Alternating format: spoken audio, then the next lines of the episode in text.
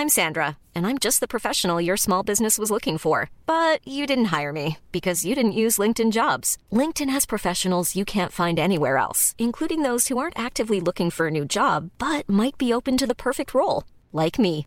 In a given month, over 70% of LinkedIn users don't visit other leading job sites. So if you're not looking on LinkedIn, you'll miss out on great candidates like Sandra. Start hiring professionals like a professional. Post your free job on linkedin.com/people today.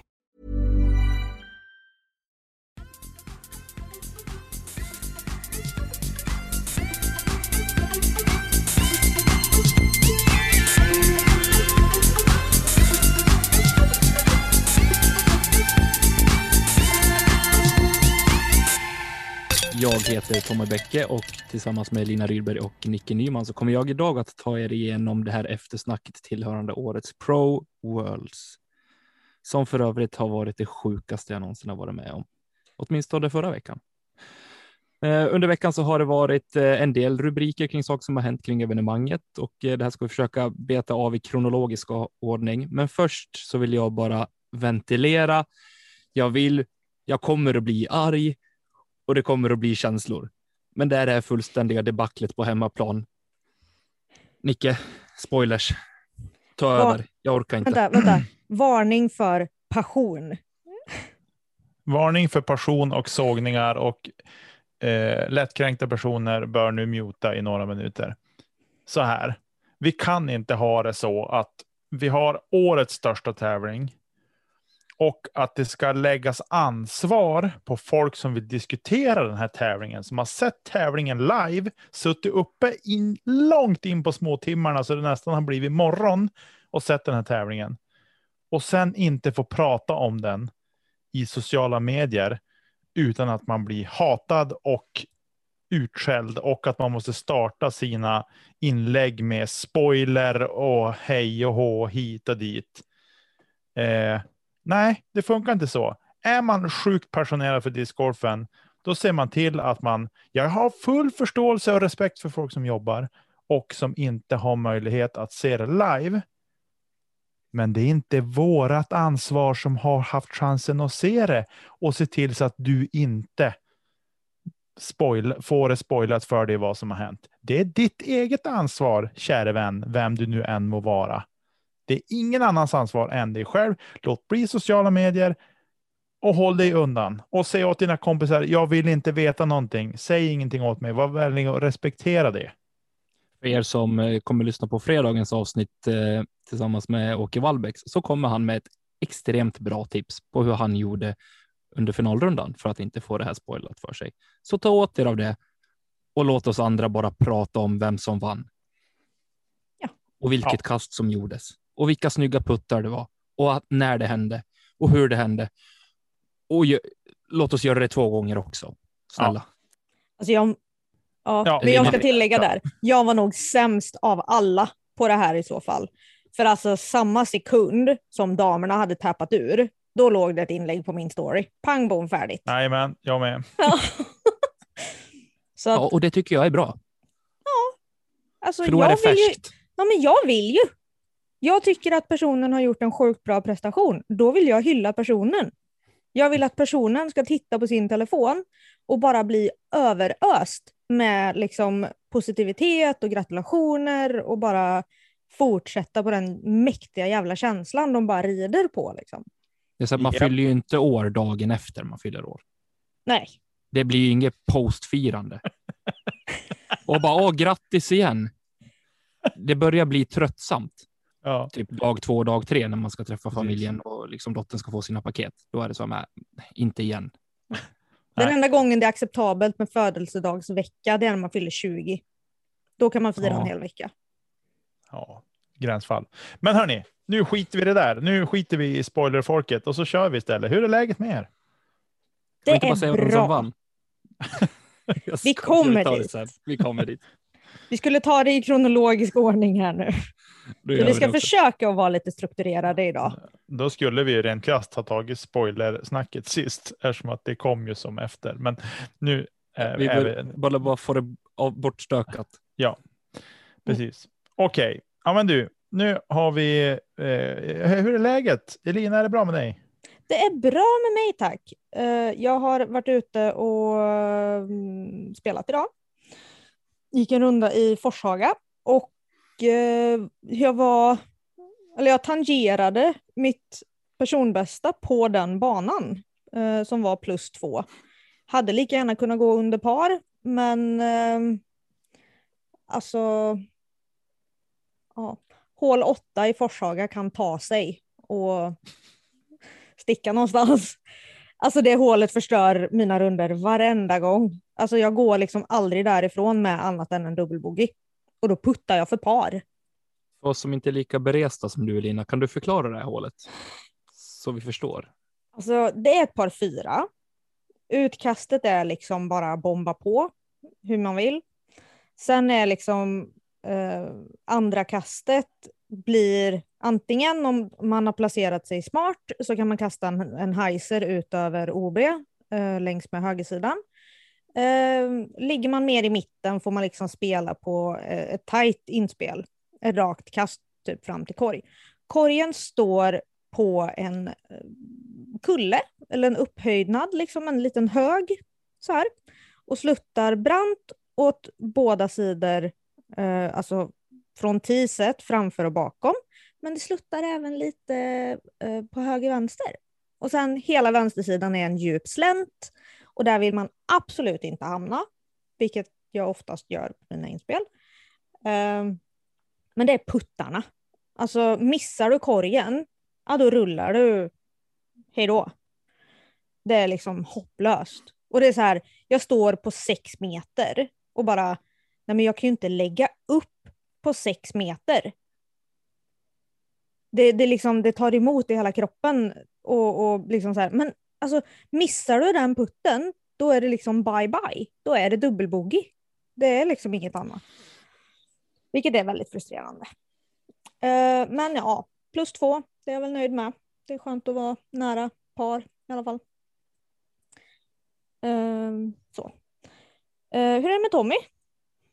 Jo, det är bra. Jag eh, befinner mig på lite sydligare breddgrader. Jag sitter hos eh, mina föräldrar ute i eh, Enviken utanför Falun och eh, ja, har tagit del av den första semesterveckan, så jag mår hur bra som helst. Var och tävlade i söndags i Gävle. Jättekul att vara tillbaka dit. Mm. Det var en väldigt berg och dalbana det också. Spelade en väldigt dålig runda och en lite bättre runda och hade otroligt trevligt, speciellt andra rundan måste jag säga. Sen har jag också lärt mig att man kan göra heiserbombar på inspel med en PA4. Det går hur bra som helst. Fråga Mats Hult. Ja. Eh, han, är, han var duktig på det. Why not? Det var kul. Han eh, har gjort en bra demonstration av det.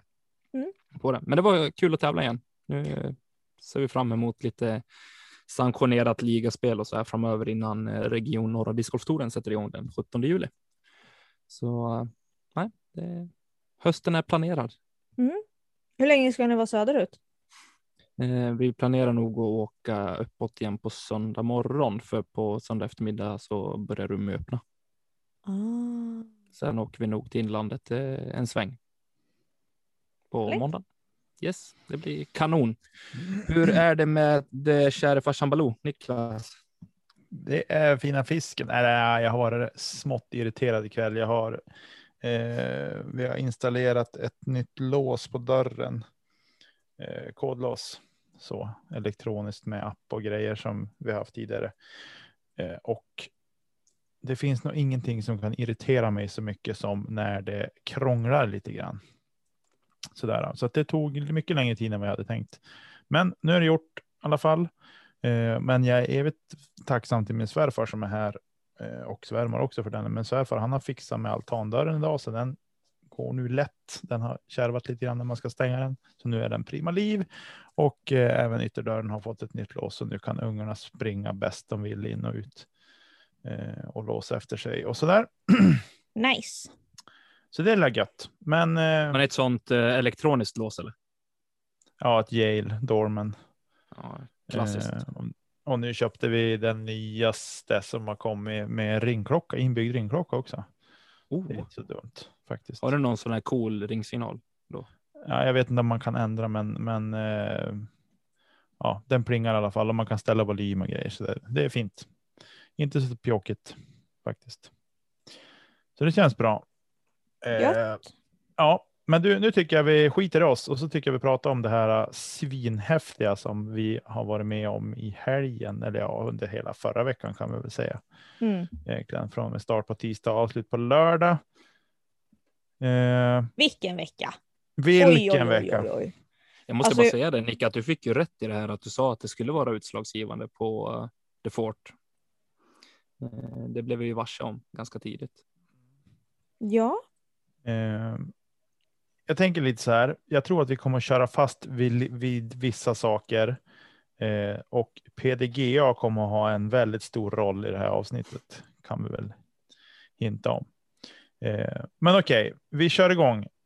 Eh, det här med att värma upp inför sina rundor är ju eh, någonting man alltid vill göra. Och eh, även då kasta lite eh, vad ska man säga? Kasta lite längre kast, lite kortare kast och så vidare. Eh, och eh, det fanns, de hade ju inte sett till så att det fanns någon driving range, utan de hade ju ställt upp typ partytält med nät i som man fick kasta in i. Eh, och det är väl i sig inget konstigt med det. Men de som faktiskt vill se sina diskar flyga mer än kanske 4-5 meter eh, in i ett nät. De. Eh, ja. De fick ju söka sig någon annanstans, men det fanns ju ingen annanstans. Mm. Och då vår, eh, vad ska vi säga, profilen Brody Smith tog eh, saken i egna händer, såg till att de fick tillgång till en driving range, cashade upp 1000 dollar för det.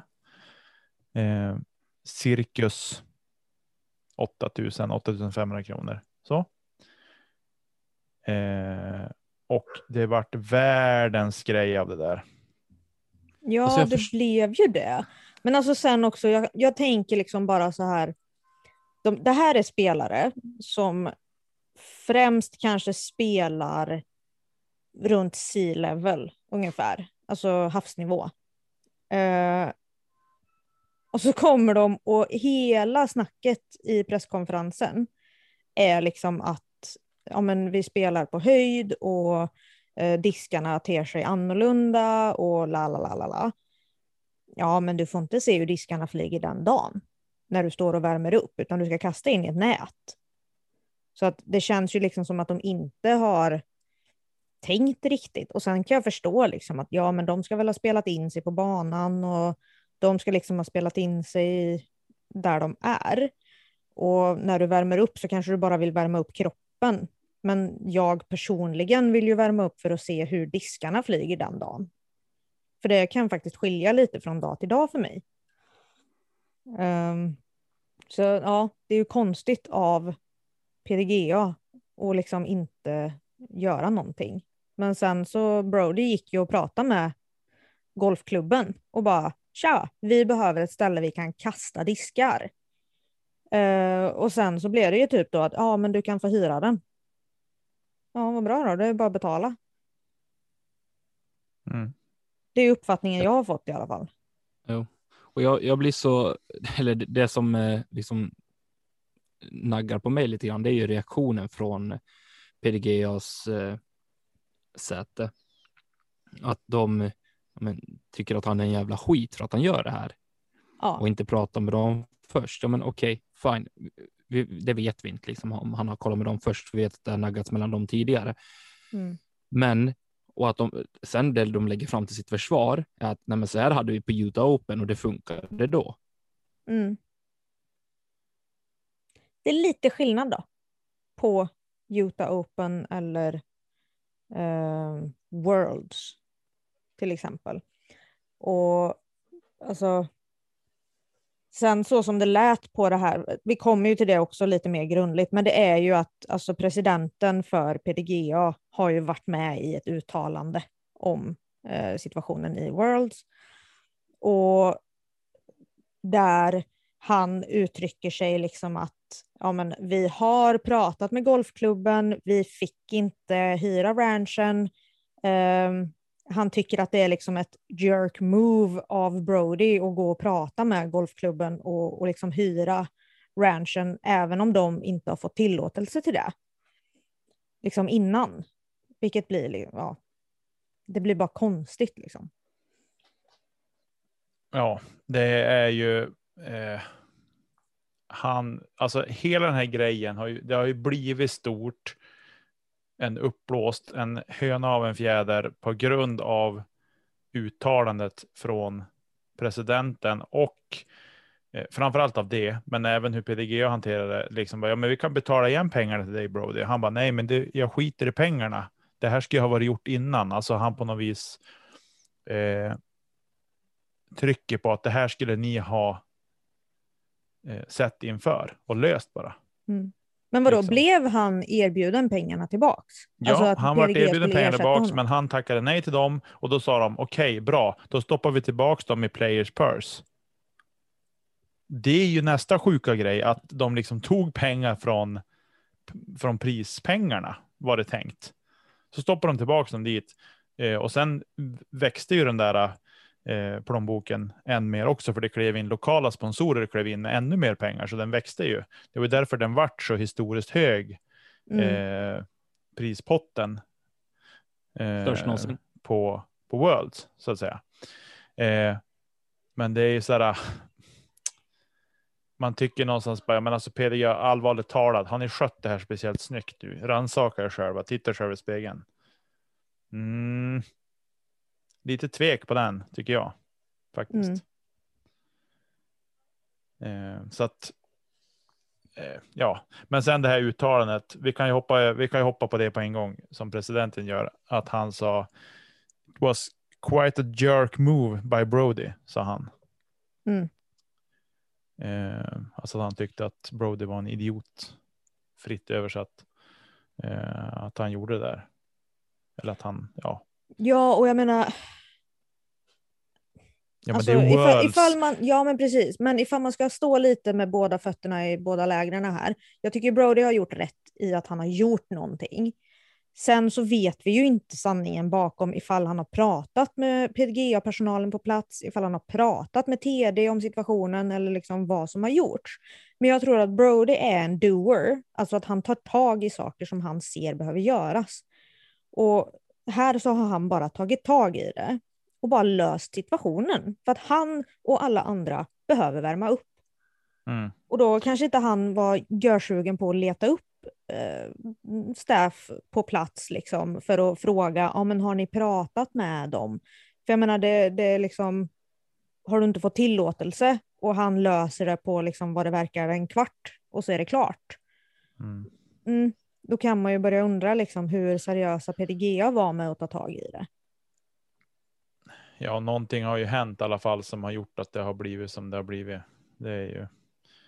Eh, är väl det minsta man kan säga. Men sen och det här uttalandet finns ju att beskåda på Brody Smith eh, Twitter. Eh, om det inte har blivit plockat ner ska sägas.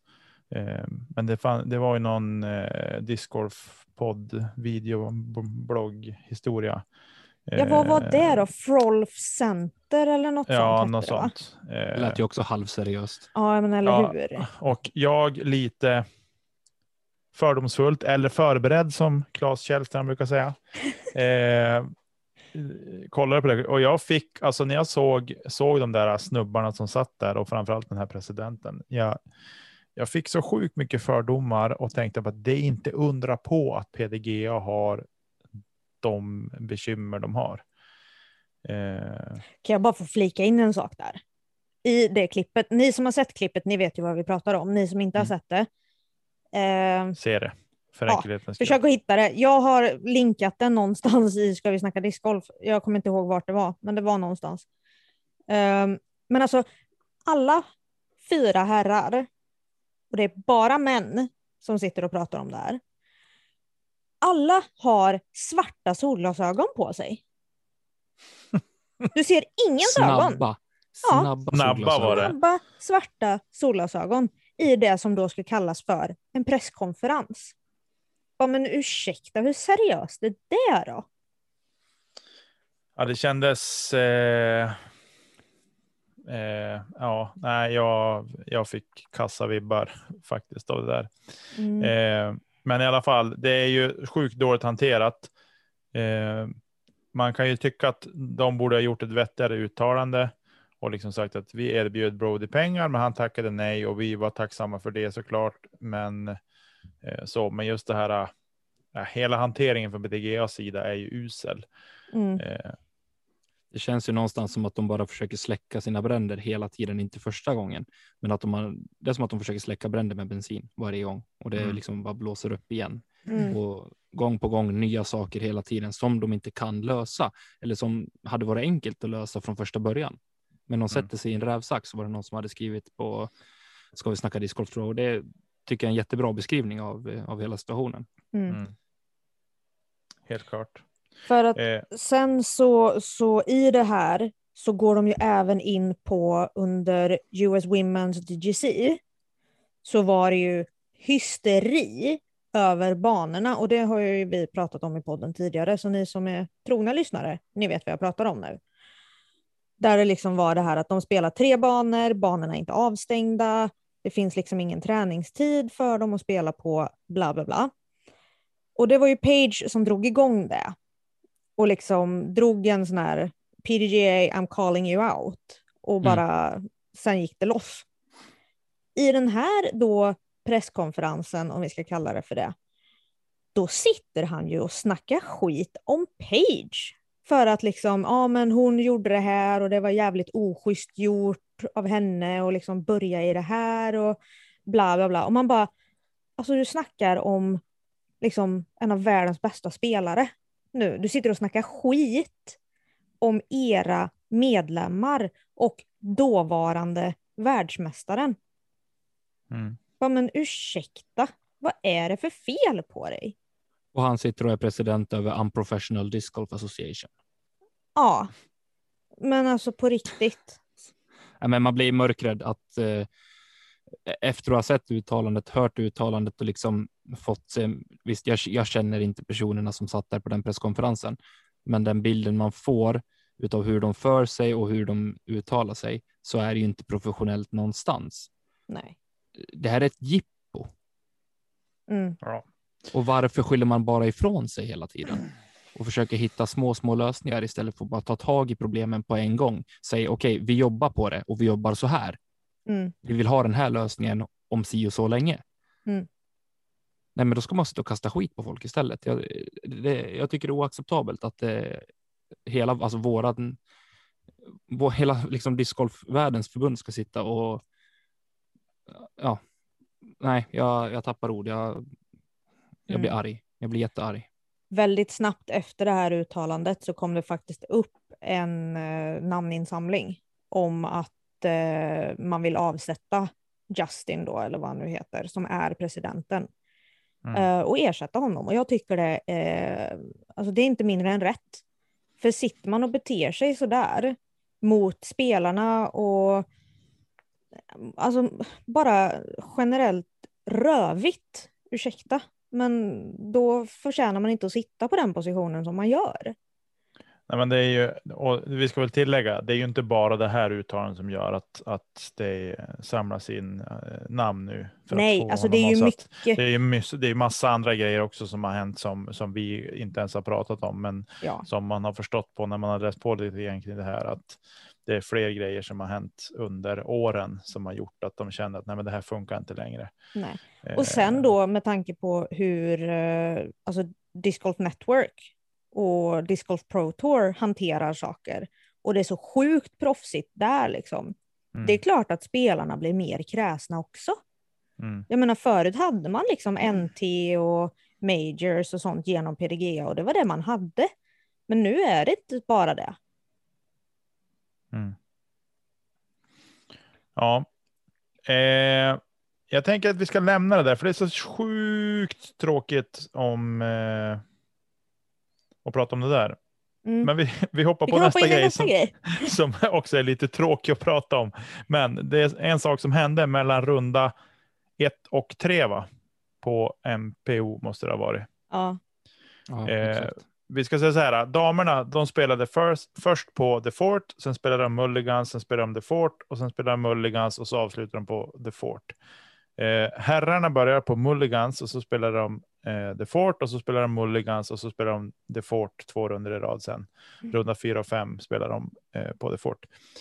Eh, vad som nu hände då mellan runda ett och runda tre på MPO eh, och mellan runda Två och fyra. två, två och fyra för damerna var att det klagades redan på Utah Open ska vi säga att det var otydligt med vilka eh, eh, OB-linjer som gällde kring bunkrarna. Där tror Och jag då- alla har det sett fanns inga- Nickos det- klipp. Ja, det fanns inga OB-linjer utmålade ska vi säga, Nej. eh, utan det var liksom gruppen skulle bestämma huruvida disken var eh, inbounds eller i hasard så att säga. Mm. Eh, och att man ska följa någon sorts gräslinje. Och då är det så mycket så här, men hur välklippt är det och hur välskött och hej och hit och dit. Eh, och så. Eh, och jag tycker så här, från en spelares perspektiv så tycker jag att reglerna är ju inte krångliga. Kan du inte säga att disken är out of bounds, att du känner dig säker på att den är out of bounds, då är det till the players benefit. Enkelt. Alltså det behöver inte bli krångligt. Men nu tyckte spelaren att det var krångligt att, att döma och det klagades på det. De gjorde ingenting under Utah Open. utan De sa, de sa liksom, men reglerna är ju enkla att följa. Så. Eh, men då här under VM så klagades det till TD och säkert andra officials på plats. PDGA tog tag i saken och tänkte okej, vi ritar ut OB-linjer under natten då. Och förmodligen har någon fått i sig några järn för mycket för OB-linjerna var ju katastrof Katastrofala. fruktansvärt dåligt gjorda. Eh, Mm. och man förstår ju att hur det har blivit så där. Det var förmodligen under stress också. Eh, för att de skulle hinna torka ordentligt och hej hå. Det här är Mm. ytterligare ett exempel när jag är inne på att man försöker släcka bränder hela tiden. Men Ja. det blir bara värre. Ja, precis. Det är ingenting som har blivit bra utav att de har gjort de här linjerna överhuvudtaget. Nej, precis. För att då diskar som dömdes inbounds på första rundan eller andra rundan för damerna eh, var då out of bounds om disken låg på samma ställe runda tre och runda fyra. Eh, vilket några spelare drabbades av. Eh, och så, vilket är självklart skittråkigt. Men det är ju just att man kastar eh, in till hasard och OB och sådana saker. Det är sånt som händer. Men det ska inte vara svårt att bedöma och reglerna är tydliga. Känner du dig inte säker, då säger du nej, jag säger att den är inbounds. För, alltså jag väljer att använda mig av players benefit så att säga. Mm. Eh, alltså spelarens fördel kan vi säga. Att den inte är, eh, ligger i hasard eller out of bounds då. Alltså jag Eh. tycker ju att linjerna skulle ha varit där från början. För det ska Ja. vara lätt att döma. Det ska inte bli diskussion. För att då blir det istället det här till att ja men du vill ju, alltså du dömer ju att den här är out. Jag dömer att den är in. För att du vill ta ett kast på mig. Alltså det är tävling. Ja, fast den spelare som har kastat ska ju inte vara med i diskussionen. Det är ju de andra spelarna som ska bedöma huruvida den är inbounds eller inte. Han kan ju bara säga, men jag, jag tycker inte att den här är autobounds, kan han ju säga. Men Ja. han är ju som inte med i beslutet på samma sätt som de andra tre i det här fallet. Nej, okej, men ändå. Fast det är där det blir fel. Då kan du inte använda det av players benefit. För det är när det är två mot två som den kommer in och avgör. Ja, men. Du måste ju ha. Eh, ja, precis. Men jag tycker att problemet på de här bunkrarna, rent krasst var ju så här. De hade lite för lång lugg. Ja. Luggen hängde ner i ögonen. Ja. Eh, så, så det var svårt att säga hur, hur, är, hur mycket mark av inbounds finns det kvar under. De hade kunnat lösa det innan tävlingen genom att köra grästrimmer närmast bunkerkanten för att få fram den tydliga linje som finns där. Då hade Mm. det här inte varit ett problem, men tyvärr var det lite för dålig gräsvård kanske vi ska säga. Mm. Jag blir Ted glad. Eh, kring det där. Det kanske är det som ska vara vår fråga till Lätt snacka plast. Vad hade Ted gjort? What would Ted do? Spit it out. Ja, nej, men som du säger Lina, linjerna skulle i sådana fall ha varit utredda innan. Och då hade Eh. det inte spelat någon roll. Alltså nej, så här, då hade det kvittat, hade de då hade de varit- varit där. Ja, men hade det varit fuldragna linjer som det blev nu, men hade det varit det första varvet, då hade det varit så. Alltså, Ja. Det är ju det som blir skillnaden.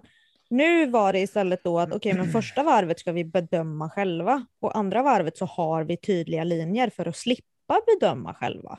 Mm. Nej, jag det blir tycker att- jättekonstigt. Ja, men alltså, man ska ju göra det så pass enkelt att du ska slippa ta jobbiga beslut. Mm. Ligger du på linjen, över linjen eller OB, ja, sådana beslut måste du ju ta, men då har du ju en linje som referens och inte så här, Ja. ja, men jag ligger på sju grässtrån här som alltså så här millimeter inbounds. Mm. Alltså det ska inte behöva vara så. Nej, precis. Eh, och sen, precis som Tommy säger, så är det ju att spelaren kan ju uttrycka sig eh, om vad han tycker. Så Mm. det är ju givet. Men jag, jag tror att väldigt många andra spelare också blir så att man backar av lite grann Mm. eh, som spelare för att man vill. Man är ju partisk eh, Ja. i frågan. Eh, det är så jag menar att man, man backar av lite grann som spelare och låter liksom de andra tre diskutera. Sen kan man säga, men jag tycker att den är inbounds eller jag tycker att den är autobounce. Mm. Sen får ju de. Men, de här diskussionerna hade vi inför när vi höll på med, med banarbete inför förra årets SM också. Att det ska inte behöva bli diskussioner när vi Mm. liksom drog OB-linjer och så där. Det ska inte behöva bli det. Men Mm. visst var det snören överallt? Ja, Då var det snören. Ja, precis. i princip. Men det är fortfarande, vad jag har hört så är det fortfarande de pinnar som sitter i backen som ska gälla då. Ja, ja. Om det finns pinnar, då är det Mm. pinnarna som gäller där de Mm. går ner i backen. Eh, Men snörena är mest för att liksom, ja, hjälpa spelaren att se kanske från tee. Att Ja. okej, där går det en linje, bla bla bla. Sen vad man väljer att använda sig av, det, det är inte upp till mig, men jag tycker att grundtanken ska vara hela tiden att det ska, det ska inte behöva bli diskussioner om en disk är inbounds eller om den är autobounce. Mm. Mm. Men snören är ju bra för att då, då slipper man ju liksom att tveka något speciellt mycket. Ja, precis. Så det är ju bra. Eh, så att det var ju också ett haveri får vi väl säga av, av dem. Och Eagle gick ut och försökte hantera det lite snyggt och det gjorde han ju ändå. Men han var lite för försiktig i kritiken tyckte jag. Eh, men han, han, den var ju riktad till PDGA helt och hållet. Ja. I'm calling Förståeligt out att- sa han ju. jag, först, det, jag tycker det är förståeligt att han är försiktig i det. I och med, jag, jag tror inte att han vill utmålas som att han gör det här för att han har spelat dåligt. För det Nej, var för det han jag, hade gjort. jag tror Jo, han också hade ju att... spelat dåligt, men det var inte, alltså, det är ju alla förstår, alltså att man tar till det uttalandet gentemot Eagle för att klanka ner på honom. Han var sur för att han hade spelat dåligt, det var OB-linjernas fel. Nej, jag skulle inte vilja säga att det är det. Jag tycker att det, han är mer professionell än så. Det är sånt som kan hända på våra nivå, tänker jag. Men inte på den nivån de är på, att man använder eh, det som eh, språngbräda. Det där hade nog kommit ändå. Mm. Jag hoppas det, men eh, det jag menar var att jag, jag tror inte att han gjorde det för att han kände så, men jag tror att han var tillbakadragen och lite mer försiktig för att han väl inte ville få det att framställa sig som att jag gör det här nu bara för att det har hänt mig och jag vill inte åka dit på att jag är en, ett dickhead bara för att eh, gnälla på att obelinerna är otydliga Ja, eller att de nej, har lagt till obeliner. Nej, precis. nej, precis. Nej, det var ju inte Ja, bara han det drabbade heller. Det var ju liksom många spelare som, Ja, gud ja. Som Ja. tappade kast gentemot första rundan då, då på banan. Precis. Så det var också ett haveri. Eh, om vi rullar vidare lite grann då, så hade vi en till grej som hände under damernas eh, fjärde runda. Ytterligare ett haveri. Nah, ja, Nej. fast då, var- då, då var det inte ett PDGAs haveri. Eh, det här är ju så sjukt viktigt och det här är någonting som jag trycker på när jag träffar nya spelare och spelar med nya spelare. Eh, och även har haft eh, lite instru instruktioner för dem när man har haft eh, lite kurser och sådär. och här kan Ja. alla spelare ta till sig. Ja. För det här är allas ansvar. Titta på när samtliga spelare i din grupp kastar. Oavsett nivå. Ja. Tack. Robin Willman, Linus Karlsson, Henke Hagman och så vidare. I'm Niklas calling Nyman. you out. Tommy Ah, Bäcke. Ja, I'm calling you out så att säga. Nej, men att titta verkligen på när andra, speciellt som i det här fallet, det, det vi ska komma till, det, det som hände under VM på fjärde rundan för damerna var att de hade ett trippelmando där på Mulligans, Mm. typ två flaggstänger eller vad det var. Eh, och sen satt ett band som hängde som med lite mage där mellan topparna på de där eh, stolparna. Eh, och man skulle då passera såklart under bandet och mellan stolparna för att ta sig till korg. Ett hål som var typ 85-87 meter eller något sånt där.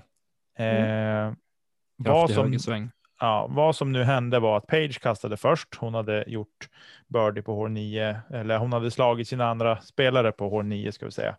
Eh, eller något hål innan, jag kommer inte ihåg. Eh, och hon kastade först och hon kastade och hennes disk passerade tight över det här bandet. Det vill säga att hon missade mandot. Eh, vi ska säga så här, det var inte jättelätt att se på reprisen heller. Eh, jag har tittat på det efterhand i realtid för att se det. Eh, och när man tänker på det så ser man att det blir en skugga på bandet. Mm. Varpå man då säger att disken passerar ovanför. Eh, och de körde ett par repriser också i livesändningen för att se vad som hände. Eh, så. Och så det var inte jättelätt att se vad som hände. Men problemet i hela det här var ju eh, De andra hade ju inte sett kastet. nej, gruppen tittade inte på när Page kastade. Och Page var själv osäker, för det ser man i liven. Så fort hon släpper disken, eller så fort liksom disken passerar mandot, så lyfter hon händerna precis som eh, vart gick den där? Ja, För att man ser direkt att hon blir själv jätteosäker och Mm. liksom vänder sig till de andra. Och så hör man typ Lisa Fakus bara, I don't know, I didn't see. mm, eller något sånt där. precis. Och de Man bara, andra men- sa samma sak. Ja, Att vi, vi, jag tittade inte. nej. Och då blir det ju såklart liksom rabalder runt det här, för att man vet inte. Men Nej. den var fruktansvärt högt upp, den kan ha missat. Ifall den gör det så ska ju hon ha en plikt att kasta från anvisad plats. plats. Mm. Eller så var den safe och då kan du inte döma henne med plikt.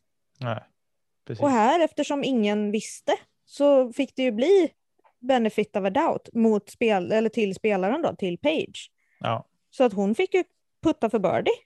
precis. Eh, och vad som nu har hänt då efterhand, det här är ju på post, post coverage som det har kommit, förutom det de diskuterade i livesändningen, att de efter ett par repriser kunde säga, jo men den var ju, hon missade mandot. Eh, Mm. Men man får inte använda video till hjälp heller för att kolla det där. Eh, men det som hände då på post coverage, Central Coast Disc Golf, var att Sarah Hokum sa att det är missplay. Hon har ju missat mandot. Eh, varpå Ian svarar, jo, men problemet var att de såg inte i gruppen Mm. vad som hände. Och jag, jag med vetskapen om det, så jag upplever lite grann att Hokums eh, tonläge förändras lite grann kring det där. Att hon tycker som att, jaha, det här var ju inte bra, liksom så. Mm. Eh, nu får vi väl säga med facit i hand lite, tack och lov att hon missade birdieputten. Ja, men lite så Eh, faktiskt. Eh, ja, att det, hon missade den, den kedjade ut och så sen la hon i den för par. Då.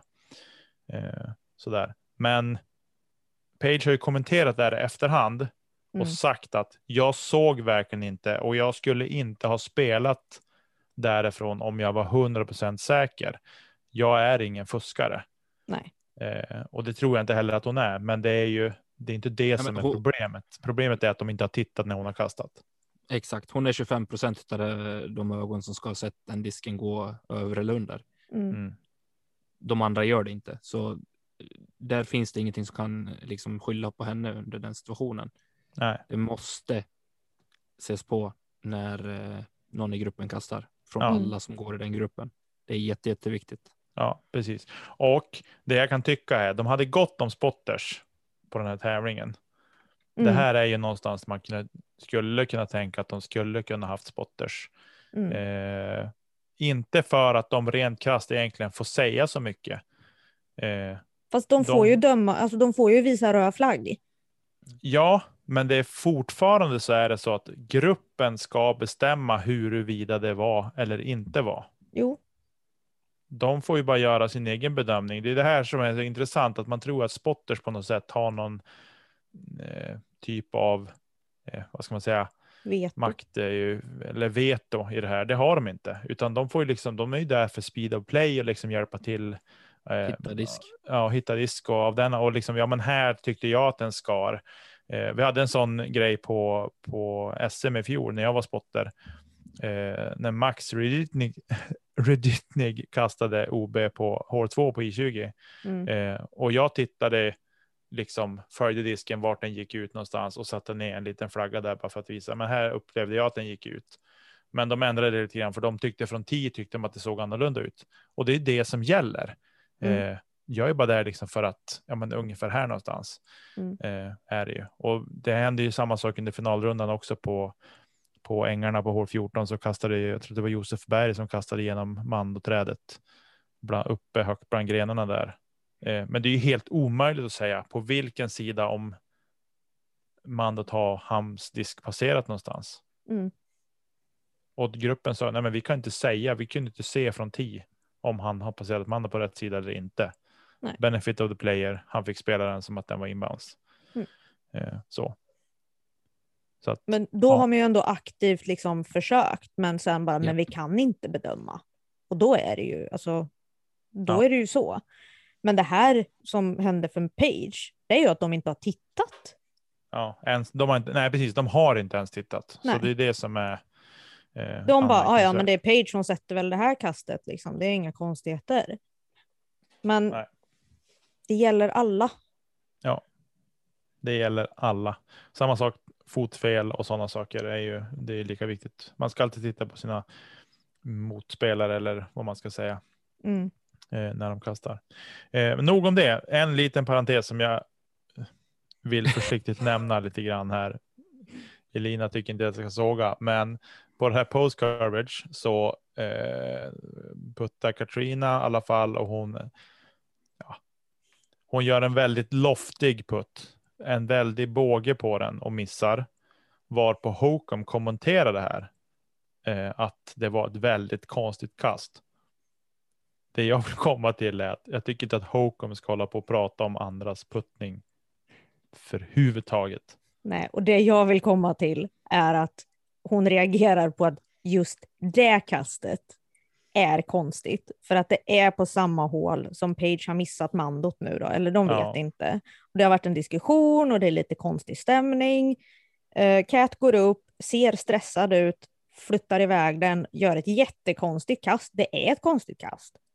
Ja, det är lite som att hon Och- får någon sorts, att disken fastnar på något vis på fingret så att den liksom följer med upp. Ja, Eh, Det, ja, det, jag kan erkänna om att det ser lite konstigt ut, men samtidigt var det ett sånt avstånd som var att det hade kunnat vara ett sånt kast att hon lyfte den för att den liksom skulle få glida och trilla Mm. i.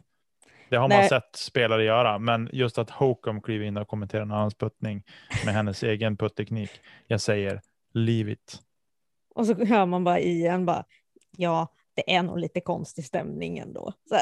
Ja, Försöker Precis. liksom att, att ta ner den kommentaren lite. ja.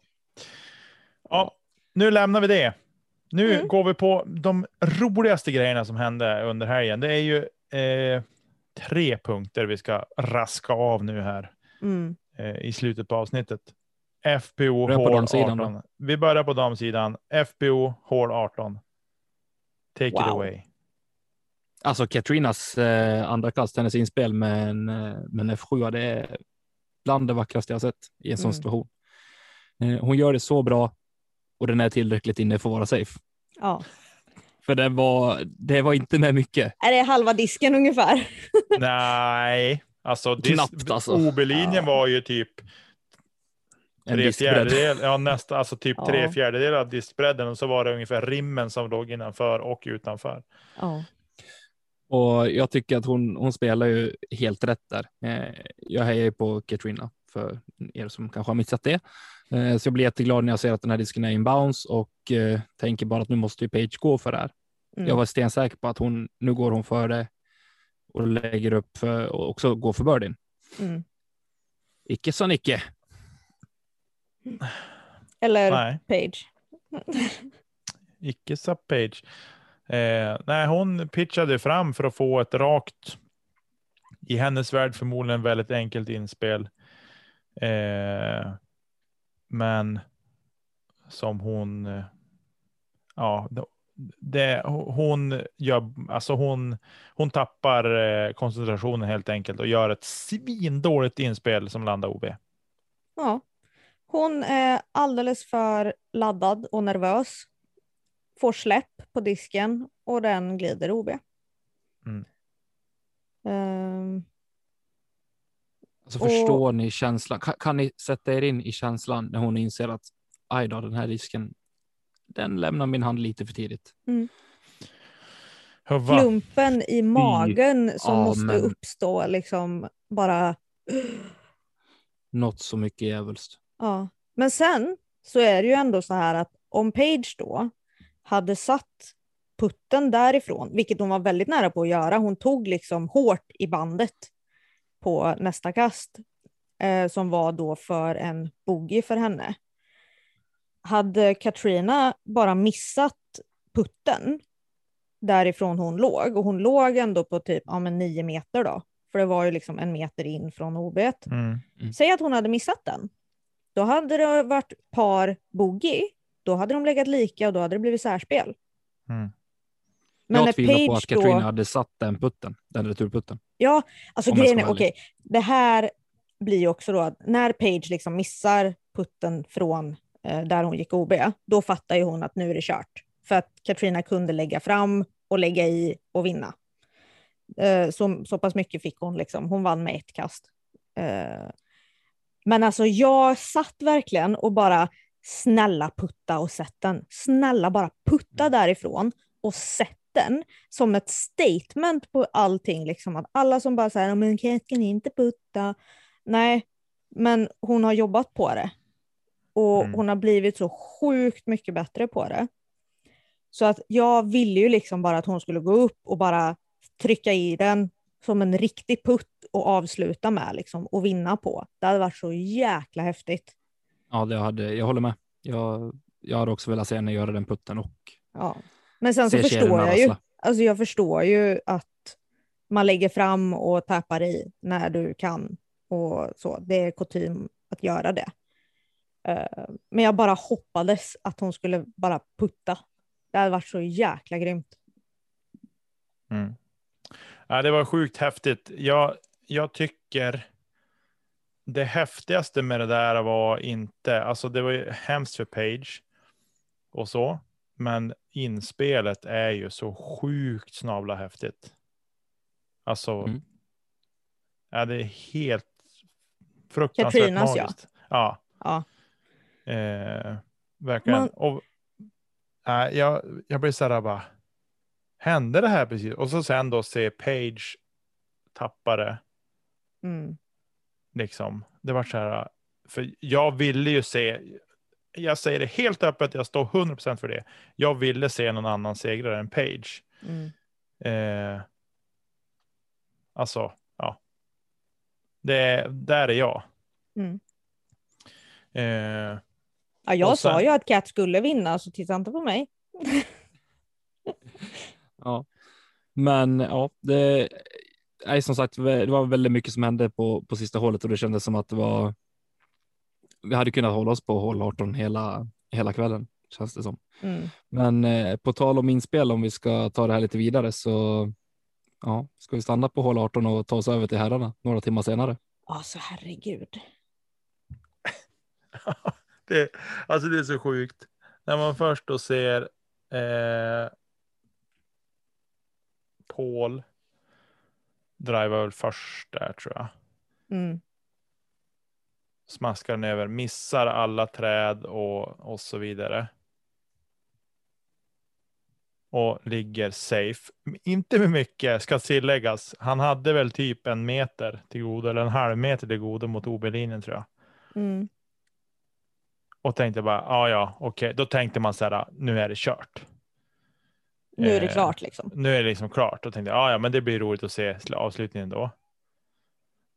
Och Mm. så sen ser man eh, Konrads drive. Träffa träd. Landa safe, men på liksom på slänten ner mot den här ån eller floden eller vad det var för någonting. Pölen. Ja. Eh, och bara, jaha, när man vet att Konrad har en ansats om ah, 15 meter ungefär, Mm. så vet man att han kan inte springa på vattnen, än om han är väldigt Jesuslik i gestaltningen så, så kan han inte gå på vatten. Eh, och eh, då tänkte man, ja men nu är det klart, 100 procent. Mm. Inga konstigheter. Eh, vi, vi skiter och snacka om Calvin och eh, Kevin Jones just nu. Sen är det då dags för Konrad igen och kasta, för han ligger sämst till. Eh, så han kastade fram så långt han kunde, stillastå, eller inte så långt han kunde, men så att han hade i alla fall en vettig, vettig laj för sitt tredje kast. Eh, så han gör ju det. Och sen är det Pauls tur att kasta av de två. Och Paul tänker att ja, ja, men nu har han, det är hans tredje kast han ska göra nu. Eh, så att han puttar ju bara fram, alltså lägger fram för ett eh, enklare inspel helt enkelt. Likt Page. gjorde. Likt Page, ja. Eh, och sen då så står Conrad och siktar och så här, funderar och siktar lite till. Och gör sen, jag, jag, törs, jag törs nästan säga 2021 kast. Årets Ja. kast 2021. Det är det sjukaste. Med en putter.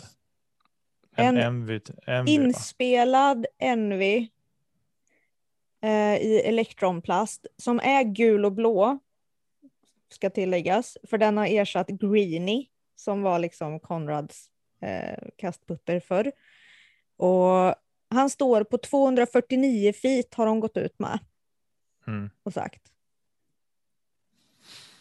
Och bara tjoff pang bom. Wet i curry.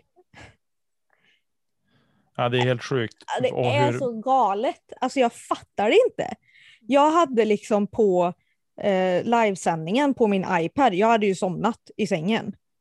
Jag vaknar av det jublet som blir. Och bara var, är så här yrvaken och bara vad fan händer? Jag fattar ingenting. Och så får jag se reprisen och jag bara Ja, det, det är det sjukaste jag har sett alltså. Eh, det, Man gör inte så. Det, det händer inte. Nej, verkligen inte. Ja, det var helt, helt, jag började bara garva. Bara, ja, och så sen är det så här, ja, är det någon så är det ju han. Ja, Eh, Det är ju ett det är så mycket rätt person. Ja, det är så rätt person att göra det. ja. Ja. Med den vinkeln och, allt, och så skriker publiken bara get in! Och så bara smaskar han i. Varpå, det här, det här för mig är samtidigt, den här sjuka händelsen, så kommer det inspringandes två stycken spotters som jublar och viftar med flaggorna. Det ser helt hysteriskt roligt ut eh, också. Mm. Och jag har sett lite poster om det. här. We need more spotters like these two. Så här, och publiken går ju fullständigt bananas och bara rusar in på, på banan liksom och är helt galna. ja. Eh, Paul ser ut som en fågelholk och bara, vad händer nu? Kevin Och Calvin Jones ser sätter som händerna i huvudet och bara, vad händer nu? Och Calvin visar känslor. Men han ser ut som han har tagit i, i ett strömstängsel. Ja, precis. Vad, vad händer nu? Liksom. Nej, helt snabla sinnessjukt. Vad som Mm. då sen händer är att ja, Conrad sätter ju sin. Paul spelar fram. Eh, och Conrad var ett kast efter. Så att han går ju upp och lika med Paul. Mm. För Paul spelade ut, han hade typ en 7-8 meters för par. Sett i den såklart. Han är ju så grym i cirkeln. Särspel. De går tillbaka till hål 16. Där man kastar ner mot vatten. Ett ö-hål. Som Conrad har aceat under helgen. Och legat typ snudd på bullseye. Eh, alla gånger. Mm. Han kastar den där snabla Envin där igen. Och Nej. skickar på. Nej, nej. Kastar han inte den där? Det är en entropy han kastar där. En, eh, alltså det är typ, eh, om man ska säga, MVPs zone. Alltså det är Okej, en ja, men- överstabil Putter. approach disk. Ja, liksom. precis. Ja. Eh, Okej, förlåt mig. Mm. Lite dålig, dåligt inläst på, på Conrads väg. Ska jag säga. Men i alla fall, han skickar på den. Det ser ut som att han kan kasta den så hårt han bara kan. Det är precis lagom för att liksom nå fram. På en Eh. sjuk heiser ändå. Alltså han Mm. går ju brett runt trädet och allting. Liksom. Ja, precis. Eh, och eh, ja. Där han lägger sig typ fyra meter från korg. Och det är han som liksom får börja kasta dessutom. Mm. Och sen Paul eh, har ju också parkerat det hålet under, under veckan. Mm. Eh, och så. Men han kastar spetsigt. Jag vet inte vad han kastar för någonting. Eh, en röd disk var det i alla fall. Skulle gissa på en raptor eller något. Ja, kanske. Jag låter det vara osagt. Men han får ju, likt Kevin Jones fick några minuter innan, en väldigt konstig skip. Disken ställer sig upp och rullar i vattnet. Mm. Så att han måste kasta från drop zone. Eh, kastar från drop zone, missar den. Konrad smaskar i sin fyra meters putt. Mm. Världsmästare. The rest is history. Woo. Ja, det är häftigt. Det är, jag får gåshud bara alltså när jag hör dig berätta Niklas, för det, är, det tar mig som tillbaka till, till upplevelsen av Alltså, oavsett. det är helt- Det, Helt sjukt. Och Ja. eh, jag tror att Paul blev lite tagen av det som hände på hål 18. Grejen är att Paul har ju varit med, nu ska jag göra en TED här, i Nick and Matt Show. Ehm, och där så pratar de om det här. Det som hände liksom för Paul. Hans reaktion. Och när Conrad sätter inspelet på 18, då, tar, då får ju han övertaget helt plötsligt. Det blir liksom Conrads game. Mm. Och publiken är på hans sida, alla är helt galna. Paul står mitt i fairways och bara ursäkta men jag ska göra mitt inspel nu. Eh, kan jag få göra det eller vad? Ehm, och sen någonting som han säger som jag väl till viss del kan hålla med honom om. Det är lite tråkigt att ha ett särspelshål på ett öhål som första. För ja, att det är så mycket 50-50. Alltså, det är klart att de ska sätta kastet.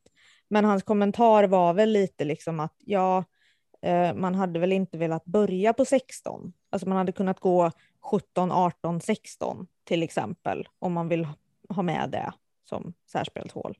ja. Eh, Eh, jag kan hålla med till viss del, men mm, det är ett VM. jag Ja, köper det inte för fem öre. Eh, jag tycker Nej. på ett VM så tycker jag att då får det vara en snudd på hur svårt som Mm. helst nästan. Men sen också då i och med att Conrad liksom hade momentum där och då. Han hade publiken, han hade liksom känslan, han var hypad och det var liksom han skulle kasta först.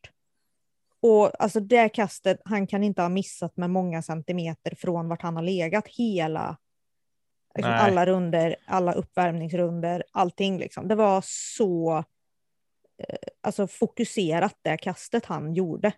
Ja. Och sen- Förutom, eh, förutom acet så ska jag nog säga att han har legat inom en cirkel på tre meter. Ja, men typ. Mm. Och sen då Paul, som någonting han säger är liksom att tit på 16 ligger mattan åt fel håll för att luggen ligger liksom mot korg. Vilket gör att det skapar typ så här rädsla för att halka. Eh, och det var väldigt, alltså han hade ju liksom lite spelet emot sig, eller vad man ska säga, i och med att det var fördel Conrad på känsla och stämning och allting. Eh, han krämar på lite för mycket på sitt kast och får en tråkig skip och går OB. Mm. Och det, det blir ju liksom lite redan där att luften var ur honom redan på 18 Mm. efter det kastet för att han känner att jaha, vad var det här nu då? Så här skulle Mm. det inte gå till. Ja, Ja, Jag ty- alltså, det här VMet gav mig så mycket, mycket mer än eh, vad jag någonsin hade kunnat drömma om innan. Jag var Verkligen. jättetaggad inför att följa de här tio rundorna som vi faktiskt skulle, skulle få bjudas på. på. mm. Men eh, nej, det är långt över min förväntan, hela VMet. Allt som hände runt omkring, men speciellt det som hände på, på fairway och på green sista dagen. Mm. jag, har, jag har en önskan inför kommande VM. Det är att spela dem i Europa någon gång och sen även att de spelar mer på östra sidan av United States Mm. av Amerika. Jag För måste ändå alltså- säga, oj vad skönt det var att tjejerna fick spela först för en gångs skull. Ja, men tänk dig så här. De hade kunnat gå ut klockan fyra på eftermiddagen. Eller klockan tre. Mm. här. Mm. Sjukt nice det hade varit. Mm. Det har varit lite tidigt för dem då.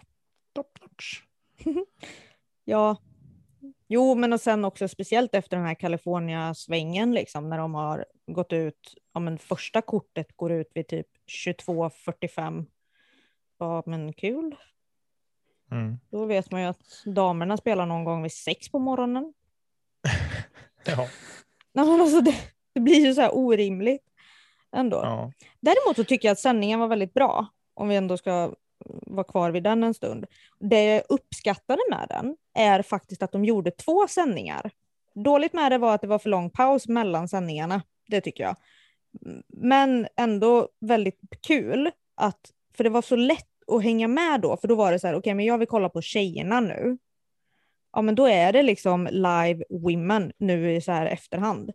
Mm. Och istället för att behöva liksom leta och skubba igenom och hej och hå, så hade de en egen sen för herrarna också. Så att då vet Mm. du så här att okej, det här är damerna, det här är herrarna.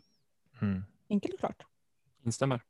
Jag Jag tycker det uppskattar så av mig också. Mm. Mm. För annars så blir det så här liksom dagen efter ifall du har somnat någonstans i liven, vilket händer. Eh, då vill man ju ändå på något sätt dagen efter spola tillbaks i liven för att se färdigt liksom själva sändningen. Men då är man så här, ha och vart var jag nu då? Mhm. Det är så Ja. svårt att hänga med för man bara säger okej, men jag har sett herrarna spela hål 10 typ. Ja, okej, det är en sån här liten del av liksom hela Mm. sändningen. Ja. Mm. ja, men jag tycker att det var det kring VM. Det var ju sjukt häftigt det vi har fått uppleva i alla fall. Ett VM att minnas. Mm. Lite roligt också. Ehm, eftersom Paul och Page nu var regerande, eller vad vi ska kalla det, för två år. Alltså det var ju både 2019 när de tog titeln, men sen också över då 2020, eftersom vi inte hade något VM då. Så att jag insåg idag att det är ju därför de två har stått på PDGAs hemsida. De gjorde väl en uppdatering om det också tror jag. Att de Ja, har bytt, eh, De bytte bakgrunden. idag. Och jag bara så här, Mm. jaha, styrs det av VM tänkte jag. Nej, men, Hade noll koll. Ja. Jag tyckte också att det var väldigt konstigt att Page hade fortfarande sina Dynamic-kläder på sig. Ehm, men det var ju för att hon spelade för dem 2019. Så att, det kan de få, Dynamic. Tycker jag. mm, eller hur? Precis. Nej hörni, nu ska vi stänga igen den här butiken för nu är det fotbolls-EM på tv. Ja, Jajamän. Det ska vi. Eh, stort tack hörni. För Det var otroligt intressant att få prata ner det här VMet tillsammans med er. Eh, Mm. Tack till alla er som lyssnar och tar er igenom våra avsnitt. Det är eh, fantastiskt roligt att se att det är fortfarande många som klickar sig in och eh, strömmar våra avsnitt som vi ger er varje vecka. Vi vill också tacka våra patrons som gör ett eh, fantastiskt jobb med att stötta oss varje månad. Ni är guld värda. Tack Emil Lennartsson och Marcus Linder för vignetter, grafik och jinglar. Och till nästa vecka hörni. Nej, till på fredag. På fredag, då får vi besök av Åke. Fin avsnitt! Det blir ett, eh, det blir ett trevligt avsnitt. Det blir ju Mm, lite bra. repetition då. Alltså det blir lite Worlds, det blir lite Worlds Master som Åke ska på. Och vi kommer snacka lite Master Junior SM. Så tuna in på fredag. Sen får vi också reda på varför han målar snoppar på sina diskar. Ja, precis. Stay Vad är det tuned. om? Hörni, vi kastar inte kedja ut. Puss Det gör vi. Hej då.